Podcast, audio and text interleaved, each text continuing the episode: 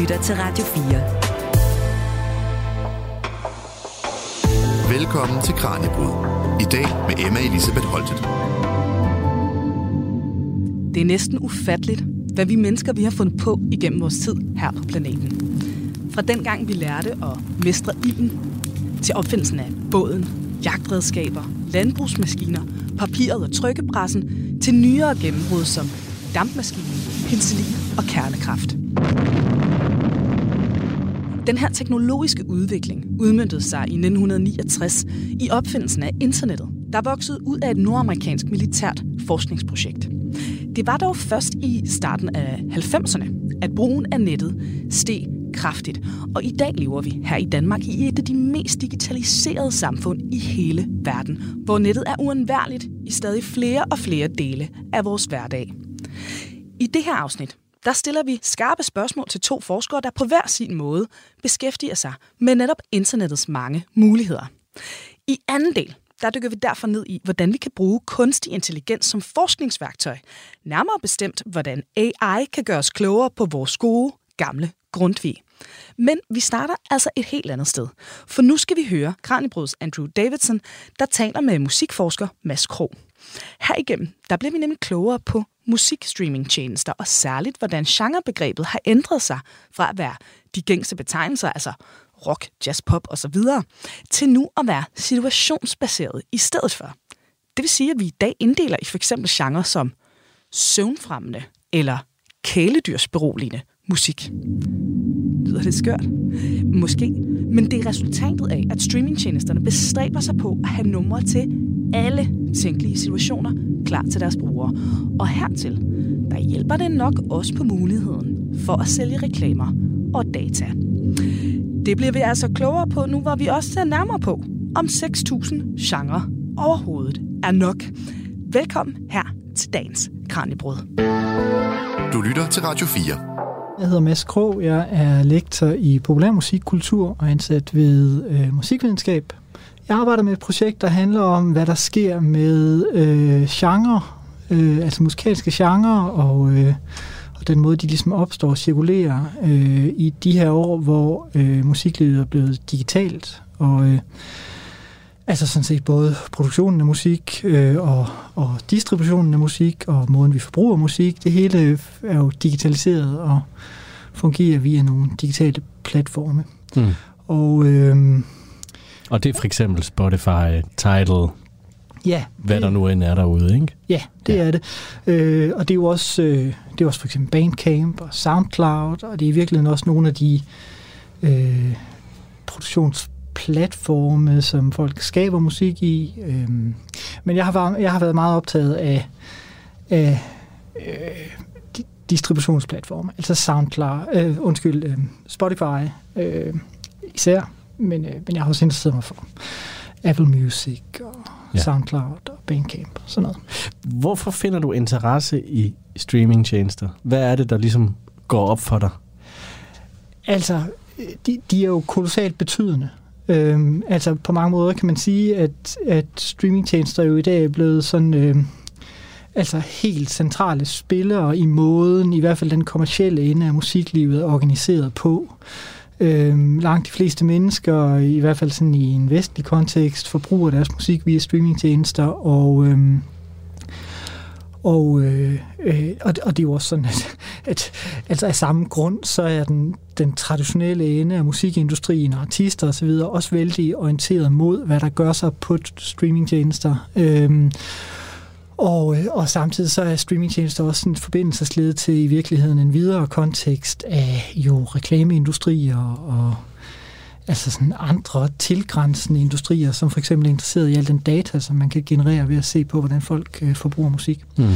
Så, så streamingtjenester er vældig centrale. Øh, og, og, så, øh, og så skete der for mit vedkommende øh, det, at jeg, jeg på et tidspunkt blev opmærksom på, øh, øh, hvordan det er, musik ligesom katalogiseres eller, eller klassificeres øh, i regi af nogle af de her tjenester, og, øh, og jeg var sådan lidt øh, overvældet af det. Altså, altså for at være meget sådan konkret, så, så var jeg til en konference, hvor der var en, øh, en fyr, og han er en af fyrene bag øh, Spotify's øh, øh, musik-dataanalyse, og, øh, og han talte om det her med genre og, øh, og, og præsenterede øh, altså sådan nogle opstillinger af det. Der findes blandt andet sådan en hjemmeside, der, hedder, der hedder Every Noise at Once, mm.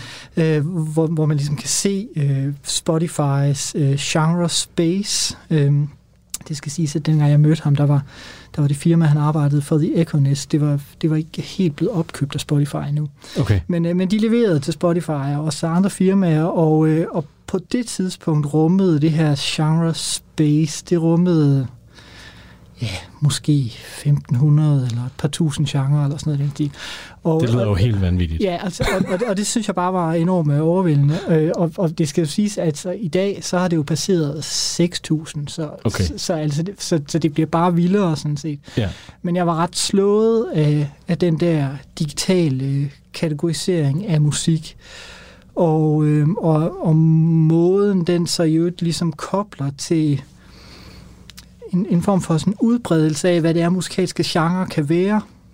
Altså for eksempel Spotify har, har, har i en del år efterhånden haft en strategi, som har handlet om at, at, at levere sådan funktionsmusik. Altså sådan lidt groft sagt, ikke? Så, vil, så vil tjenesten gerne have os til at, at lytte til musik, øh, som sådan er aktivitetsbaseret eller moodbaseret. Eller jeg har åbnet min Spotify. Jeg har en jazzy morning. Ja. Jeg har en dinner with friends. Jeg har også jazz in the background. Så det ja. bare. Jeg har også sweater weather instrumentals. Ja. ja. Så der er mange forskellige måder. Og, og du siger altså, at Spotify gerne vil have os til at øh, øh, bruge musik på den måde. Ja, ja. Hvor, hvad får de ud af det? Øh, noget af det, de får ud af det, er, at det giver enormt god data. Mm. Øh, altså hvis man gerne øh, for eksempel vil sælge reklamer, øh, eller reklameplads, øh, så er noget af det, man helst skal kunne levere til, øh, til reklamevirksomheder, det er pålidelige data om, hvem der lytter hvornår. Og, øh, og, og der kan man sige, der er det ret effektivt, hvis man har kan få folk til at lytte til nogle øh, mood-baserede eller aktivitetsbaserede playlister, jamen, så kan man også med ret stor overbevisning sige til f.eks. reklamevirksomheder, at her kan I ramme en målgruppe, som er i fitnesscenteret, mens de hører den her reklame eller som spiser middag med deres kæreste, mens de hører den her reklame. Ikke? Så når jeg hører Dinner with Friends, så tænker de, okay, her skal vi sælge et eller andet, yeah. som har noget med flere mennesker at gøre måske. Ja, ja lige nøjagtigt. Ja. Altså, øh, og, og man kan sige selv i de tilfælde, hvor vi ikke er direkte udsat øh, for øh, reklamer, så, øh, så er den data, vi ligesom leverer ind i maskinen, den er, den er stadigvæk med til at befordre en effektiv målretning af sådan noget. Og, øh, og, og ja, altså og i virkeligheden så er den her den her videre salg af data, det, det er sådan set ikke bare til reklamevirksomheder, det er også den til en bredere kreds. Men, men det er en af de vigtige årsager. Ikke? Okay. Øhm, altså, er, er det kun for reklameselskabernes skyld, eller er det, hvad med os forbrugere? Får vi ikke lidt ud af, at der er forskellige genrer?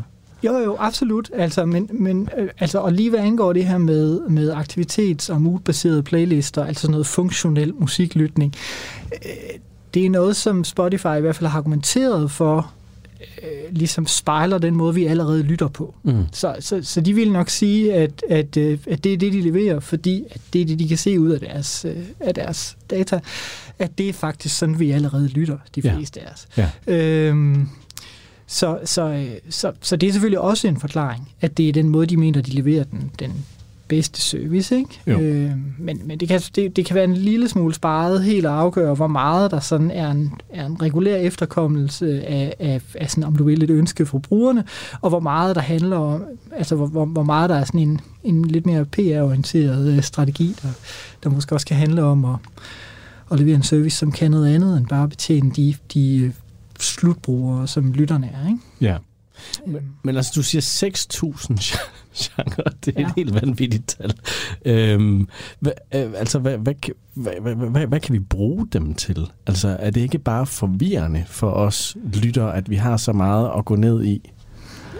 Jo, det, det kan man sige. Altså, øhm, nu er det jo det er jo mange år siden, at øh, de store streamingtjenester ligesom holdt op med i gåsøjne bare at give adgang til en hel masse musik. Altså det, det, som de sælger, er jo en en kuratering af musikken. Mm. Altså, og nu taler vi om det, de sælger til os som lyttere, som slutbrugere, ikke? fordi der er som sagt også den der anden side, der handler om samarbejde med, med andre virksomheder. Ikke? Jo. Men, men, øh, men hvis vi taler lytterne, så er det, de sælger til os, det er jo kuratering af musik. Det er måder, musikken er sorteret på, gerne så personligt gjort som muligt. I virkeligheden, så har de et ideal, som ikke bare handler om, om, om sådan en, en personlig skræddersyet musikoplevelse, men, men, men faktisk gerne en musikoplevelse, som er er skræddersyet til øh, den situation, vi befinder os i. Mm. Altså det vil sige, ideelt set, så bør vi have forskellige forslag til, hvad vi kunne lytte til, afhængig af, hvornår på dagen vi tjekker ind, øh, hvor vi er henne, øh, hvad vi har gang i osv. Der er selvfølgelig grænser for, hvor langt de ligesom kan gå af den vej, ikke? men det, det er ligesom idealet. Og, øhm, og der kan man sige, at, at der er den der sådan ret øh, ekcessive øh, genreopdeling, øh, jo en del af det maskineri, der kører i baggrunden. Mm. Og vi ser det også i nogen udstrækning i forgrunden, men, men, men, men hvis vi taler om det interface, som brugerne møder, så er der nok en balancegang der, som handler om, at vi skal på den ene side have oplevelsen af et øh, bredt udvalg ja. som er relevant og skræddersyet, men som samtidig ligesom ikke overvælder os. Klart, ja. Altså, så, så, så, så, så derfor får vi ikke præsenteret 6.000 genrer, vel? Vi, vi får præsenteret, øh, hvis vi går ind i Spotify's browsing-sektion, så får vi præsenteret omkring 50 øh, mm. sådan overkategorier, og så kan vi sådan i øvrigt... Øh, begiver sig ind i underkategorier, og i virkeligheden kan man jo diskutere, om ikke alle de playlister, som vi præsenteres for med de overskrifter, de har, om ikke de i en eller anden stand fungerer som kategorier i sig selv. Ja. På den måde er det sådan lidt legio, det der med, hvad en kategori er i interfacet. Ja. ja, en genre bliver vel også lidt diffus, fordi når vi, nu kan jeg lige finde min frem igen, jeg har også en, der hedder Ambient Dreamscapes. Altså Ambient er en genre, men Dreamscapes er ikke en genre, ja. og så begynder det vel at blive er det så en genre i sig selv, eller hvad er det? Ja, det kunne det da, det kunne det da sagtens være, ikke? Ja. Øhm, øh, det, det er jo lidt svært i virkeligheden sådan at operere med et facit for, hvor, et facit for, hvornår noget er en genre. Jo, altså man, man kan godt for eksempel tjekke den øh, infrastruktur, som ligesom er for eksempel i Spotify, ikke? og der er så noget, som er rubriceret som genre, og så er der andet, der ikke mm. er. Men, men, det, men det, det kan nu ret hurtigt begynde at mudre. Og, og noget af det interessante, altså nu sagde jeg før, at, at jeg var ligesom blev ligesom ramt af den der oplevelse af, hvor, hvor excessiv den var, den der kategorisering, altså hvor, hvor, hvor meget det på en eller anden måde går amok. Yeah.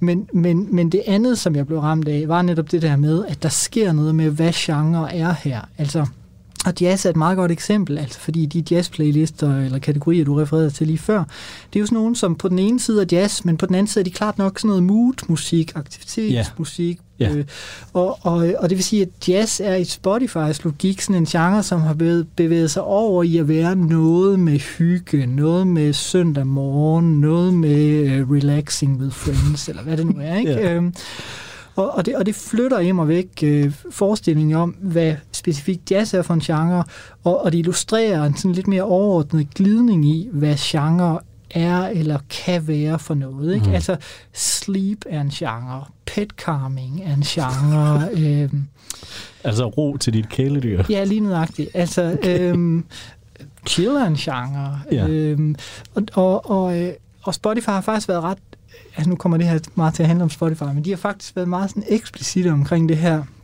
Man kan læse sådan nogle, altså hvis man går på jagt i noget af det PR-materiale, som er tilgængeligt på nogle af de portaler, de kører, for eksempel, for, altså for eksempel omkring det her med samarbejde med reklamevirksomheder og sådan noget, der kan man læse, hvordan de, de er meget sådan eksplicit omkring det her med, at øh, lyttere i dag, øh, om det så er millennials, eller det er Gen Z, eller mm. hvem, hvem det nu er, ikke? Øh, de er ikke interesseret i genre i den der gammeldags forstand. Altså det kan godt være, at genre var sådan noget, der plejede at være en eller anden lokal scene, som udviklede sig med en eller anden form for kultur omkring og sådan noget.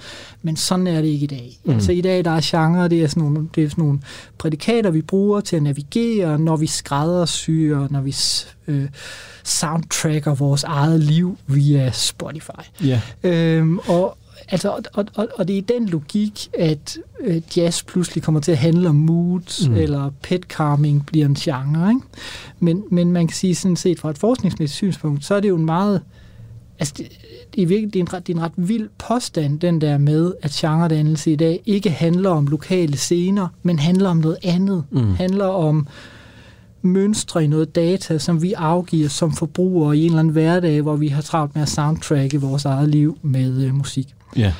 Det bliver vel også nemmere hele tiden at omgive sig af musik, fordi at, som du siger, det mood så ikke så meget genre, så jeg kan finde en playliste til efter frokost. Altså, ja. ja. Ja, fuldstændig. Og, og, og hvis ikke Spotify har en klar til dig, så kan du bare søge. Altså, så skal der nok være nogle andre, der har lavet en. Ja, fordi det er jo en anden del øh, af det her, det er, at andre også laver playlister. Er det også noget, du har kigget på? Øh, altså, hvor, at det også er et community af en eller anden art? Ja, ja det har jeg. Øhm, mm, altså, noget af det, som jeg synes har været interessant, det er, at altså, den der i gåseøjne gamle, gamle forestillinger om, hvad, hvad, hvad musikalske genre er, og at de på en eller anden måde har noget at gøre med lokale scener og sådan noget. Mm. Altså, jeg mener, det er jo ikke fordi, det ikke er sådan længere. Altså, og, og, og, og hvis vi ser i den retning, så kan man bestemt sagtens argumentere for, at der findes alle mulige communities, og ikke bare som sådan nogle lokale scener, men jo også online, altså i ja. fora og alt muligt, hvor, øh, hvor øh, der opstår musikalske fællesskaber omkring en eller anden musik, som øh, gradvist antager karakter af en, af en genre, eller får et prædikat på, sådan, så den ligesom er identificerbar som en genre. Ikke? Mm. Og, øh, og noget af det føder ind i streamingtjenester i den forstand, at nogen laver playlister, hvor de ligesom coiner den her musik og bruger genreprædikat osv. Så, så alt det findes Ja. Helt sikkert. Ja. Altså, og, og det er en af grundene til, at jeg interesserer mig for, for, for nogle af de sådan, om du vil, producerorienterede øh, tjenester, altså øh, SoundCloud og Bandcamp for eksempel, ja. fordi der kan man se noget af det her. Altså det er jo, det er jo tjenester, som, som giver mulighed for, at artister selv kan tagge deres musik, mm. og dermed altså selv sætte nogle prædikater på, hvad det er for en slags musik, de har gang i. Ja. Det betyder ikke, at de tjenester ikke også har en infrastruktur med kategorier osv., men, men det er bare sådan lidt mere, om du vil, brugerdrevet. Ikke? Jo. Og, øhm, og, det, og, det føder sig selvfølgelig ind i for eksempel Spotify. Du lytter til Kranjebrud på Radio 4. Til nye lyttere i dagens program, der taler Andrew Davidson lige nu med musikforsker Mads Krog. Vi bliver nemlig klogere på musikstreamingtjenesternes nye situationsbaserede genre. I anden halvdel af programmet, der skal vi se nærmere på AI som forskningsværktøj. Men lige nu, der hopper vi altså tilbage til Andrew og Masses samtale. Det her er Kranjebrud på Radio 4. Lad os lige vende lidt tilbage, fordi vi, vi kom jo faktisk øh, næsten for langt ind i samtalen, uden at høre om... Altså, du blev inspireret af at se det her, ham fra Everything is Noise, han fortæller om genre. Hvordan, hvordan kaster man sig så ud i sådan et projekt? Altså, hvad er det for noget? Jeg gætter på, at det er noget data, du skal indhente og sådan noget, men hvordan, hvordan bearbejder du det? Ja, altså det, det er virkelig et godt spørgsmål. altså, jeg, jeg, har, jeg har ligesom gjort forskelligt. Altså, øh, dels kan man jo prøve at læse sig ind på, hvad de siger om det, de gør. Øhm, og, og noget af det gode ved øh, The Econist og... Øh, og, øh, øh, og McDonald her, øh, det er, at, øh, at de var faktisk ret åbne i hvert fald sådan til en vis grad, om hvad de gjorde. Ikke? Om de ja. har for eksempel blogkørende, som man, som man ligesom kunne læse læse sig ind på og sådan noget. Ikke? Og, ja. og der findes jo også et, et der findes også et, et, øh, et forskningsmiljø omkring øh, Music Information Retrieval, altså det vil sige computerbaseret musikanalyse, og sådan, om du vil, tilgrænsende områder, det vil sige for eksempel sådan noget med, hvordan brugere interagerer med musik og sådan noget. Mm. Og det kan man jo også læse sig ind på.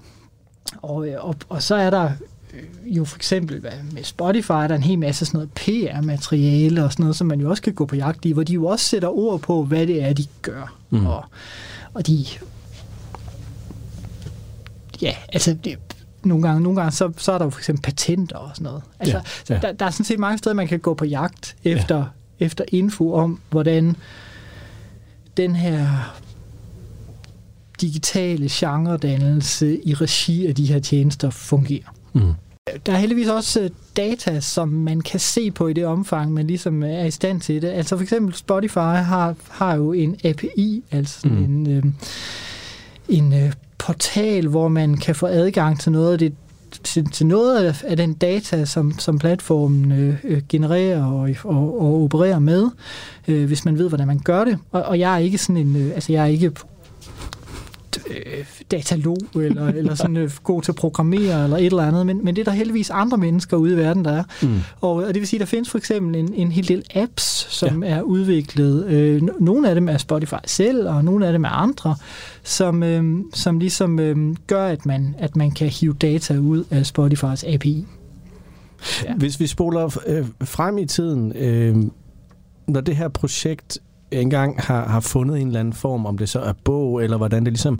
Altså, hvad er det, hvad ønsker du, at det her projekt skal kunne? Hvilken samfundsrelevans ønsker du, det har? Ja, altså, øhm, der er nok to sider til det, tror jeg. Altså, øhm, den, den, den, den ene side af det handler om vores forståelse af, hvad det er, de her øh, digitale tjenester og i det hele taget musiklivets digitalisering betyder for lyttere, for artister, og for organiseringen af musiklivet og dets måde at fungere på. Og, øh, og der kan man sige, at der er der... Øh, altså dels er der simpelthen behov for sådan en, en helt basal forståelse af, hvad er det, der foregår her. Ikke? Øh, hvad er det for eksempel, der sker med med den måde, for eksempel data om, om musik og om de fleste menneskers øh, sådan musikalske øh, hverdagsliv øh, er blevet en vare, som så igen altså, gør, at vores musikforbrug kommer til at relatere til nogle andre industrier osv. Ikke? Altså for, hvad, hvad betyder alt det der egentlig for musiklivet, både mm. i, i overordnet forstand, men også sådan, som noget, vi jo lever ved især. Ja. Øh, der er også nogle, nogle, om du vil, politiske implikationer i det. Altså for eksempel, så, så, så er der lavet nogle studier af, hvordan den der eksp altså, den der excessive genredannelse, jeg siger, de her platforme, den er ikke nødvendigvis jævn. Altså, den bærer for eksempel nogle raciale og kønsmæssige bias og, okay. og sådan noget. Ja. Så, så, så det er ligesom et perspektiv. Mm. Der, der er noget med vores forståelse af musiklivets digitalisering, som jeg gerne vil skubbe på. Mm. Men så er der også, så er der også måske sådan lidt mere grundlæggende noget med, hvordan vi overhovedet forstår os på musikalske genre. Mm. Altså, det, det er sådan, at, at øh, en traditionel opfattelse af genre, i hvert fald sådan i populærmusikforskningen, i musiksociologien, den går ligesom på, at genre er sådan en slags fællesskaber, hvor man er sammen om nogle konventioner for, hvordan man laver musik, og i øvrigt forholder sig til den. Mm. Og de der konventioner, de regulerer ligesom den måde, øh, musiklivet leves. Altså de er med til ligesom at organisere, hvad der foregår. Ja. Øhm, og, og det er ikke fordi, det er nødvendigvis er løgn, øh, men, men, men det, er bare ikke, øh, det er bare ikke en fyldstgørende forståelse af, øh, hvordan genre fungerer i den der digitale verden af data, hvor man i princippet kan lave en genre ud af hvad som helst. Altså hvis man finder, altså man, man kan i princippet bare identificere noget, nogle træk ved øh, en eller anden øh, musik eller, eller, eller nogle brugere af en musik, ikke også? Og, og så kan man ligesom ekstrapolere på de træk, og så lave en ny genre ud af det, ikke? Ja. Det, vil sige, det, vil sige, det vil sige, det foregår altså på en helt anden måde, som i på mange måder er øh, mere strategisk, øh, koblet op på nogle algoritmer og et maskineri, som er meget langt fra den der, sådan, om du vil, traditionelle idé, idé vi har om, hvordan øh, konventioner omkring musik opstår sådan ude i musiklivet, mm. øh, blandt artister osv. osv. Ikke? Ja. Så, så for mig at se, så er, der, så er der simpelthen behov for at opdatere forståelsen af genre, også sådan, om du vil, forskningsmæssigt. Øhm, og øhm, Altså, så, så, så, så det er også det, jeg forsøger, at, at give den musikalske genre-teori til sådan en lidt mere digital øh, øh, samtid og fremtid. Ja. Øhm, det lyder som et kæmpe projekt. jamen, jamen, det er det også. Altså, og, og, jeg vil faktisk sige, at, at noget af det, som driver det, er jo lidt, at altså, det har godt nok været hævdet sådan over de sidste 10 år, øh, blandt andet i sammenhæng med den her eksplosion af genre i regi af streamingtjenester, og den måde, de ligesom glider over i moods og mm. aktiviteter. Og noget. Altså det er ligesom hævdet, at, at genre ikke betyder så meget længere. Øhm, øhm, altså der har også været studier fremme for eksempel af, hvordan nogle af de store internationale artister i stigende grad bevæger sig på tværs af genre og, og sådan noget. Ikke man har talt om post-genre og sådan noget. Okay. Øhm, jeg mener sådan set, at genre betyder øh, super meget stadigvæk, men det betyder bare, øh, altså, det betyder bare i hvert fald i nogle henseender på nogle andre måder, end de gjorde øh, sådan i gamle dage i gåsøjne. Ja. Øhm, så øh, så også, altså, også i den henseende er der, synes jeg, behov for ligesom at opdatere vores forståelse af dem. Ja. Mads Krog, sidste spørgsmål. Hvad er din yndlingsgenre? min yndlingsgenre. Jeg er skadet. Det kan jeg ikke. Jeg okay. kigger ind i Every Noise at Once og ser de der 6.000 genrer, og så, så kan du ikke vælge. Det var da fantastisk. Ja. Du lytter til Kranjebrud på Radio 4. Fortalte lektor ved musikvidenskab på Aarhus Universitet, Mads Krog, til Andrew Davidson. Og nu skal vi her i anden halvdel af dagens program, som lovede se nærmere på kunstig intelligens som et værktøj til at afdække viden.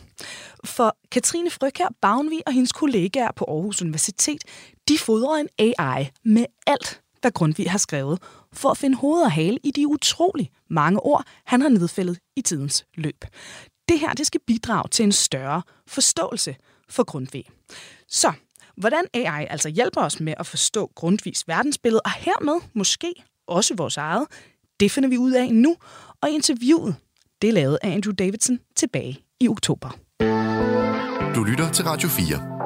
Jeg hedder Katrine Frøkær Bavnvig. Jeg er leder af Center for Grundtvig Forskning og lektor på Aarhus Universitet, øh, hvor jeg forsker i Grundtvig og øh, med kunstig intelligens teknologi i et kæmpestort datasæt, øh, som er Grundtvigs forfatterskab.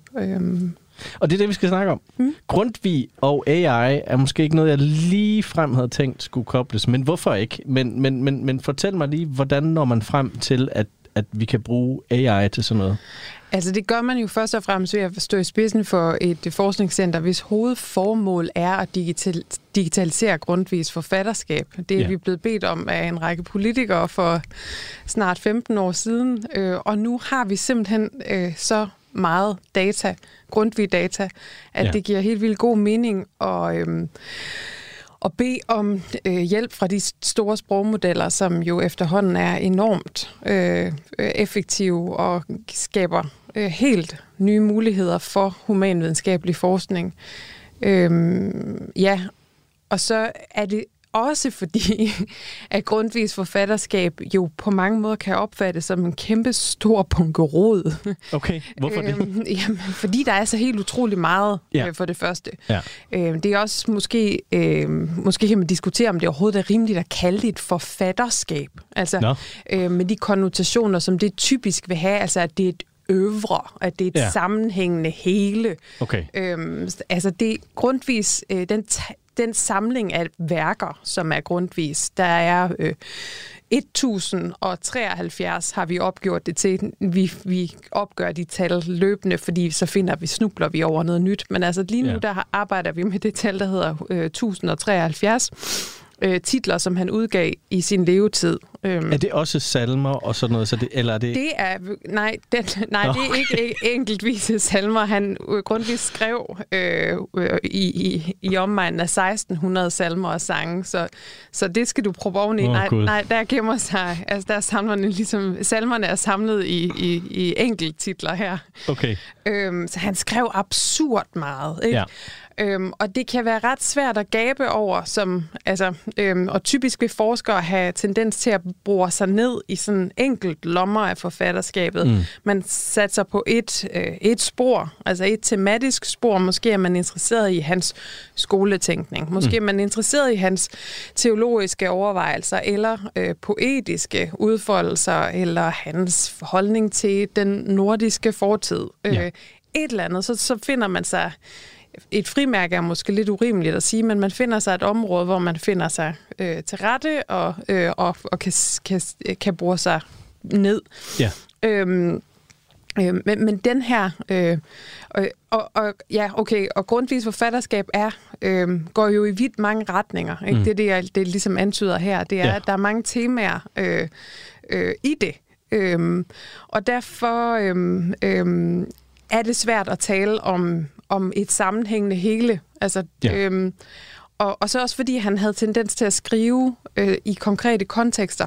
Øh, mange, mange af de der 1073 tekster er skrevet i en helt konkret anledning. Hvad kunne det for eksempel være? Jamen, det kunne være øh, øh, øh, kongens fødselsdag. Okay. Ikke? Så skriver han et eller andet, øh, enten om, om kongeinstitutionen, eller måske en sang, eller et digt, eller hvad det nu kan være. Ikke? Ja. Øhm, øh, eller det kan være en politisk drøftelse om det ved jeg ikke, stænderforsamlingerne. Mm. Så har han øh, en, en politisk replik der, eller han havde et one-man-band tidsskrift under øh, første slesvigske krig, der i, i slutningen af 40'erne, starten af 50'erne. Et slags øh, nyhedsbrev? Ja, ja, et nyhedsbrev, en, øh, altså, øh, eller en blog, hvis en du blog, vil. Ja. ja, hvor han som sådan gjorde sig som øh, vi kunne kalde ham lænestols krigskorrespondent, eller sådan noget, ikke? Okay. Øh, fra, ja. øh, og, og virkelig brugt meget energi på at bashe tyskerne. Okay. Øhm, ja. øhm, og alt sammen noget, der tog udgangspunkt i et eller andet konkret, et eller andet, der lige var sket, en nyheds, øh, noget nyhedsstof, og så har han en, en, en eller anden form for his, historisk øh, viden, han kan bringe i spil, eller øh, en kulturel indsigt, han synes er vigtig at komme, mm. komme af med Ja. Øhm, men altid orienteret imod et eller andet, et eller andet der sætter ham i gang. Ja. Øhm, og det gør jo, at det, det der forfatterskab, det stikker i helt vildt mange retninger. Ja. Øhm, og derfor er det enormt bekvemt at få noget hjælp til at danne sig overblik over det. Okay. Øhm. Så hvad har I øh, proppet alt det her ind i en, øh, i en AI-model af en eller anden art? Eller hvad, hvad, hvad har I gjort? Ja, det har vi. Ja. Altså, først og fremmest har vi jo øh, lavet en højkvalitets digitalisering af forfatterskabet. Mm. Øhm, og hvad så, betyder det bare det, kort? Det betyder, at øh, vi har lavet en, øh, først har vi lavet en såkaldt OCR-indscanning af materialet. Det står for Optical Character Recognition, og det er en, en indscanningsmåde, hvorpå man kan komme fra billedfiler, altså billeder af originalteksterne, ja. øhm, som jo så typisk vil være skrevet med, frak, altså sat, sat i fraktur, som det hedder. Det vi nok de fleste kender som gotiske bogstaver. Okay. Hovedparten af Grundtvigs forfatterskab er publiceret øh, med gotiske bogstaver. Nu ja. laver citationstegn, altså fraktur. Så øhm, ikke så nemt at læse. Så ikke så nemt for, for moderne danskere øh, at læse. Nej. Øhm, og det skal og hovedformålet med vores virke er at lave en tekstvidenskabelig øh, kritisk øh, udgave online med kommentarer og indledninger. Mm. Og derfor skal det jo bringe sin tilstand, hvor det kan læses. Øhm, og det er derfor, vi har, har, har lavet det der i første omgang. Ja.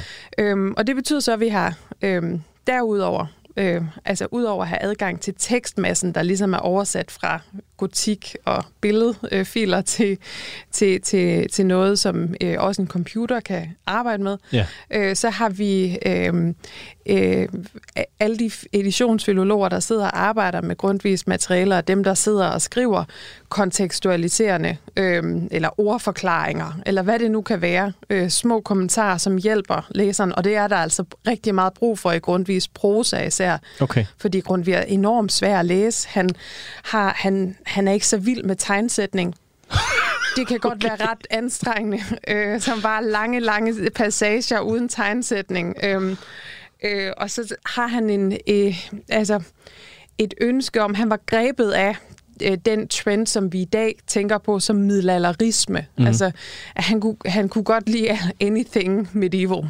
Okay.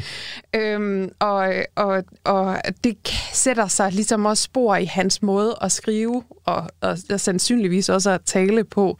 Han lyder tilstræbt gammeldags. Okay. Og det gør jo så, at når vi på 200 eller 150 års afstand skal læse de her tekster, som i forvejen er skrevet i 1800-tallet, mm. men så, så samtidig prøver at lyde, som om det er skrevet i 1200-tallet. Ikke? Ja. Så, øh, så, så er det bare det er svært. Altså, ja. Det er faktisk ret svært tilgængeligt. Øhm, meget, meget af det prosa, han har skrevet. Salmerne og sangene er en helt anden sag. Øhm, ja, dem lader vi ligge, Dem lader vi ligge, ja. ikke også? Men, men det er en helt anden sag. Det er lettere tilgængelig. Øhm, men det, det betyder jo så, at... Øhm, at vi har øh, en masse metadata, mm. øh, som vi har proppet på øh, øh, Grundtvig for at forklare ham og øh, gøre det nemmere at have med at gøre. Vi har også øh, kategoriseret forskellige øh, ordklasser øh, og øh, øh, opmærket, som det hedder, hver gang der vi støder på en, en person. Hvad mm. er det sådan? For, altså, er det en mytologisk figur? Er det en fra græsk mytologi, nordisk mytologi? Vi har en hel masse ekstra lag ovenpå ja. Grundtvig-materialet, som kan, kan, kan bringes i spil. Øhm, ikke mindst, når man så øh, træner en Grundtvig-model, altså laver en AI ja. øh, af, af Grundtvig-materialet, ja. øhm, som, som man så kan bruge til forskellige, øh, forskellige undersøgelser ikke mindst hvis man er interesseret i, hvordan grundvis øh, tankeverden ser ud, findes der forskellige øh, fremgangsmåder i den komputationelle humaniora, som kan hjælpe en med at danne sig overblik over det, jeg plejer at kalde associationsstrukturerne i mm. grundvis måder. Altså, hvordan tænker han om tingene? Og det betyder for eksempel et bestemt ord, hvordan det er associeret med andre ord? Det, det kan det være, ja, eller ja. grupper af ord, hvordan er de associeret med hinanden. Ja. Øhm. Men måske vi bare lige skulle vende lidt tilbage, fordi, bare lige sådan, så vi får det helt på det rene, fordi nu kommer vi til at gå ud af en, af en tangent, det er, at I scanner det her ja. øh, materiale, som er skrevet med gotiske bogstaver, så det er bøvlet at læse, så får I det scannet, sådan så man kan læse det øh, på normal vis, så også en computer kan forstå det. Og derved så har I ligesom fodret den her AI-model med alt, hvad der ligesom er af, af, af tekster. Ja, det er det, der er i hvert fald er, er, det, er materialet, det er udgangspunktet for den model, den, ja. vi har trænet. Du lytter til Kranjebrud på Radio 4. Og vi skal nu til sidste kapitel her i dagens Kranjebrud, hvor vi altså lige nu zoomer ind på, hvordan brug af kunstig intelligens kan gøre os klogere på grundvis værker og verdensbillede. Nu skal vi tilbage til snakken i studiet, og det er Kranjebryds Andrew Davidson, der taler med Katrine Frøkær Bagnvi, der er lektor på Grundtvigcentret ved Aarhus Universitets Institut for Kultur og Samfund. Du lytter til Radio 4 altså jeg kunne læse mig til, at der var nogen, der udpegede det her til at være lidt kontroversielt at bruge en AI. Hvordan kan det være? Altså brug, brugen af, af AI generelt, tænker du på, ja. at det er kontroversielt. Altså det, det er li, i disse år, øh, og særligt øh, siden øh, øh, Open AI's øh, chat-GPT ramte, ramte øh, offentligheden mm. sidste øh, efterår, eller hvornår det nu var, øh, har der jo været helt utrolig meget øh, snak om brugen af kunstig intelligens-teknologi i alle mulige domæner af, ja. af vores øh, øh, samfund. Øhm, og det ser ud som om, at folk flokkes om at, at, at, at være bekymret øh, over den her teknologi. Øhm, og jeg, min, min replik til det er først og fremmest, at jeg tror, at vi skal prøve at øh, lade os inspirere af vores øh, øh, kulturhistorie og se på, hvordan vi normalvis håndterer teknologiske øh, nybrud, mm. øh, nemlig ved brug af det. Altså, ja afdækning af det. Og jeg mener generelt, at al teknologi er forbundet med øh, faldgrupper eller øh, øh, omstruktureringer, øh, ud, altså udvikling øh, i det hele taget, som kan være både positiv og negativ. Og det handler om den rigtige brug. Jeg mener bare, at vi skal bruge det. Mm. Øh, så du er ikke bekymret for, at en grundvig AI på et eller andet tidspunkt overtager dit job? Nej, det er jeg så afgjort ikke. Hvorfor nej, ikke? Nej, nej tværtimod. Øhm, jeg mener, at det beriger mit job og skaber nye muligheder for, øh, for, for netop det fagfelt, jeg står på, som udover at være grundvig forskning, også er den, den, den øh, disciplin, der hedder editionsfilologi, øhm, øh, som først og fremmest er dy- folk, der er dygtiggjort i at borer sig ned i at håndtere store, større tekstmængder mm. og berige dem og gøre dem øh, øh, pålidelige. Okay, øhm, ja. Og det er der brug for i lige præcis de her tider, hvor, hvor vi øh, er gået fra at tale om, at der er efterspørgsel på mega meget, øh, mange data. Mm. Øhm, Big data var en ting for hvad 10 år siden.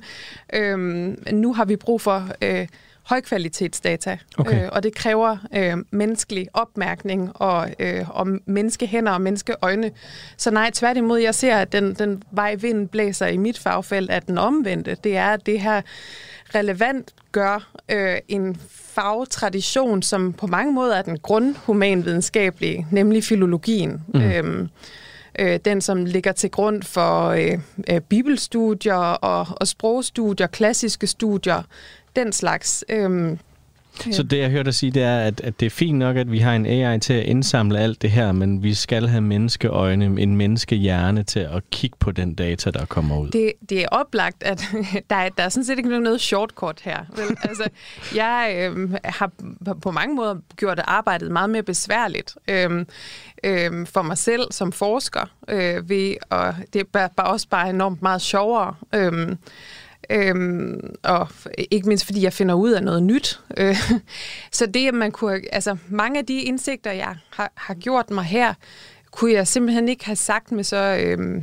øhm, øh, håndfast. Øh, jeg, kunne, jeg kunne ikke have, have slået med de indsigter, jeg når frem til med den her kunstig intelligens teknologi, er, er noget, jeg ikke vil kunne sige på baggrund af læsning af enkelttekster. Mm. Øhm, og så er der selvfølgelig øhm, den omstændighed, at det jeg, de, de forskningsspørgsmål, jeg stiller mig, kredser om, hvorfor det er grund, vi har fået den betydning i dansk kultur, han har. Ja. Hvorfor er det, at, øh, øh, at typisk ringer journalister til mig og spørger mig, kan du ikke prøve at forklare mig, hvorfor Grundtvig er så vigtig for Klart. os? Ja. Øhm, de, de spørger mig ikke, er han vigtig? Okay. Altså, øhm, det, det, det føles, øh, eller det, jeg, jeg opfatter det som en forudsætning i alle mulige... Jeg skal ikke forklare, at Grundtvig var vigtig for nogen. Det er alle med på. Mm. Men der er rigtig mange, der har brug for at vide, hvad er mellemregning? Hvorfor var Grundtvig vigtig? Ja. Øhm, og, øhm, og, det, og det er, en, er et svar, eller en, noget, jeg forsøger øh, at bespare i, øh, i min forskning, det er at kortlægge den måde, hvorpå Grundtvig er blevet absorberet og indoptaget og flyttet ud i, i, i dansk kultur efter hans, hans død. Ikke? Altså, så ja. det er sådan et stort øh, kulturarvs bevaringskortlægningsprojekt. Og en af de, de ting, jeg er interesseret i, det er at se, hvad er forholdet imellem det Grundtvig faktisk skrev, og det, der så er blevet absorberet af eftertiden. Ja. Øhm, og derfor er det interessant for mig at se, øh, hvad, hvad foregår der i den her kæmpe store tekstsamling, som er Grundtvig, og som repræsenterer i et eller andet omfang hans tankeverden. Mm. Er det den, der sætter aftryk øh, i andre større datasæt, som for eksempel Højskolebladet, som jeg fik midler fra øh, Carlsberg til at digitalisere, så jeg mm. havde en, en Øh, en adgang til den subkultur, som måske først og fremmest skal sige at være grundvis aftager. Ja. Hvordan ser det ud der? Altså ja. det verdensbillede, nu har jeg lavet en undersøgelse af grundvis verdensbillede ved at måle øh, forholdet mellem himlen og jorden og helvede øh, okay. som, som ordforekomster. Ja. Øhm, øh, og så fundet og det kan ud af, du via alle de her associationer og så videre? Ja, det, ja. Er, det er på grund af den Grundtvig-model, eller den Grundtvig AI, som, som vi har trænet, og jeg kan det. Ikke? Ja. Og finde ud af, at... Øh, at centrum i Grundtvigs verdensbillede var øh, sådan en, en guddommelig, et guddommeligt himmelsk øh, øh sollys. Mm. det er solen, der er, okay. er centrum i, i Grundtvigs semantiske verdensbillede. Ja. Og rundt om det ligger der så sådan en, en rar og øh, frugtbar edensk sfære eller zone, Øhm, og, og så helt ude i periferien ligger helvede, det er Grundtvig ikke så vild med. Så det på mange... Det, essensen af det, jeg prøver at sige her, det er, at Grundtvigs verdensbilleder er ret øhm, øh, verdensbekræftende. Det er et, øh, et, et kristent verdensbillede, som øh, lader mennesket forstå, at det er virkelig godt og rart at opholde sig på jorden. Mm. Øhm, og det er ikke en triviel øh, indsigt at gøre sig. Øhm, øh, fordi øh, der er rigtig mange konkurrerende øh, kristne verdensbilleder, øh, og den, den anden, øh, øh, som, som fyldte meget i 1800-tallet, øh, som, som måske kunne sige sig tilhører indre mission, mm. øh, eller øh, den, den type øh, vækkelsesfløje, øh, vil sige noget helt andet. Ikke? Altså, den vil se på, på livet på jorden som sådan et, et for, altså en, et forstadie til døden, for at sige det ret groft. Ikke? Ja. Øhm, men som du skal noget, igennem, du skal igennem det, øhm, og, øhm, og så ud øh, i den virkelige virkelighed. Men for ja. Grundtvig var livet på jorden faktisk en del af den virkelige virkelighed. Ja.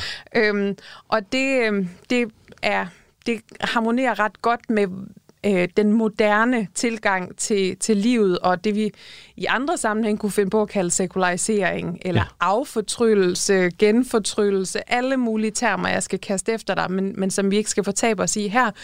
Det vigtige er, at Grundtvig øh, i sit forfatterskab øh, har et verdensbillede, som er ret konsistent faktisk, Øhm, og det, det kan vi så se, at, at man indoptager, øhm, eller det i hvert fald korresponderer med øh, det verdensbillede, som vokser frem i andre større datasæt. Mm. Øhm, og det er måske en af forklaringerne på, at Grundtvig øhm, har varig betydning. Det er, at han har et verdensbillede, der passer til tiden. Ja. Øhm, han har en opdateret kristendomsform, og han har en opdateret tanke om skolen, og en opdateret tanke om mm, mere eller mindre, hvordan, hvordan det, det politiske landskab, som er under opbygning i 1800-tallet, hvordan det skal gestalte sig. Mm.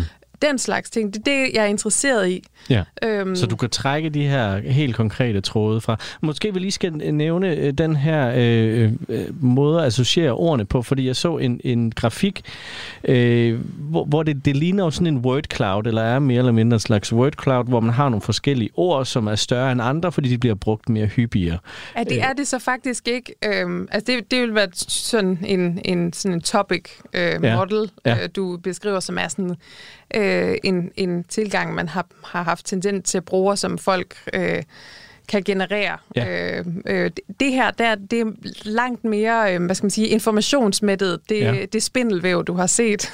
ja, fordi så trækker der, trækkes der nogle tråde ja. fra de her ord ud til ja. andre ord, ikke? så man ligesom kan se, hvordan de er associeret med hinanden. Ja, og så, ja, så det man kan, kan sige, det, jeg får lavet en visualisering af det store øhm, øhm, multidimensionelle rum, som øh, forholdet imellem grundvis termer mm. er. Ja. Det er det, altså det er baseret på en masse vektoral statistik, som jeg egentlig ikke er kompetent til at forklare, men som jeg har kollegaer, som jeg, øh, øh, forstår sig rigtig godt på. Øhm, men altså, øhm, den visualisering, som du har, har set, og som vi plejer at kalde øh, grundvis tankespind, mm-hmm. øhm, øh, fordi det ligner et spindelvæv, øhm, er, øh, er en visualisering af det her, af, af det her multidimensionelle rum, som, som ord... Øh, øh, relationerne repræsenterer. Øh, og det, du, det, man så der kan se, det er, hvordan konkrete enkelttermer øh, forholder sig til hinanden, hvor tæt de ligger på hinanden, mm. øh, altså det, øh, i, i, og det skal forstås som, altså, hvor meget de opfører sig som hinanden. Ja. Øhm, ja. Øh, hvor meget ligner deres adfærd i det store øh, øh, korpus, som, som de er trænet på hinanden. Og hvad, hvordan er, hvad mener du med adfærd? Hvordan kunne Jamen, det være? Det er, det er simpelthen, hvordan er, hvordan er de indlejret i det? Altså, øh, hvor meget ligner de? Øh, altså den måde, det bliver brugt det, det er på? Det, det er en, altså, du reducerer grundvis ordforråd. Til geometriske repræsentationer. Ja. Øhm, så det, det er... Øh, det er sådan, man skal forstå det. Øhm, så på den måde er det øhm, øh, et spørgsmål om, hvor meget deres, øhm, øhm, deres, deres adfærd i citationstegn ligner hinanden. Mm. Øh, så den bedste måde at forklare det på er, at det, det man kortlægger er associationsstruktur. Ja. Øhm, øh, og det, det kan man så gøre ved at, at øh, de der visualiseringer, du har set, viser så forholdet imellem, øhm, øh, at, at der både kan være et tematisk forhold, og der kan være nærhed i det, og så kan man også se, at forbindelserne kan være løsere eller, øh, eller tættere. Ikke? Så densitet i visualiseringen vil også vise nærhed i øh, betydningsadfærd. Eller hvad man så hvis sol er tæt hvis på himmel? Så på himmel, så er det fordi, de to termer har meget med hinanden at gøre, eller ja. ligner hinanden meget. Og himlen... Øh, Helvede for eksempel i den, du har set, ja.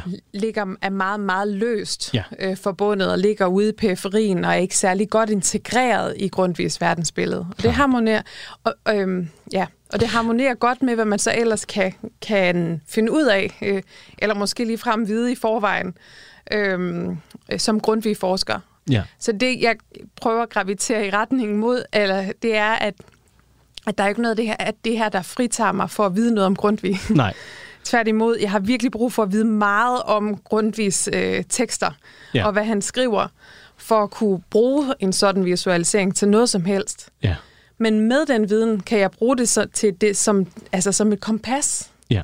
over, hans, over de betydningsstrukturer, som ordforrådet i Grundtvigs forfatterskab er øh, at repræsentere. Men det er meget interessant, fordi du siger, at det er det, du kan bruge det til. Så lad mig være øh, igen sætte det lidt på spidsen og sige, hvad kan jeg bruge det til, eller hvad kan alle andre så bruge det her til?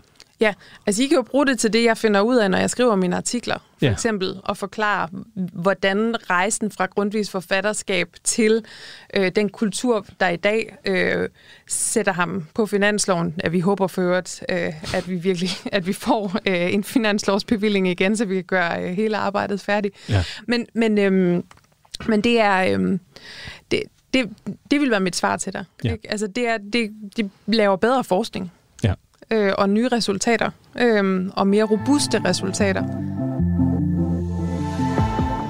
Du lytter til Kranjebrud på Radio 4. Fortæl det her, Katrine Frykær Bavnvig, der er lektor på Grundtvig Centret ved Aarhus Universitetsinstitut for Kultur og Samfund. Og det bliver hermed ordene i dagens Kranjebrud.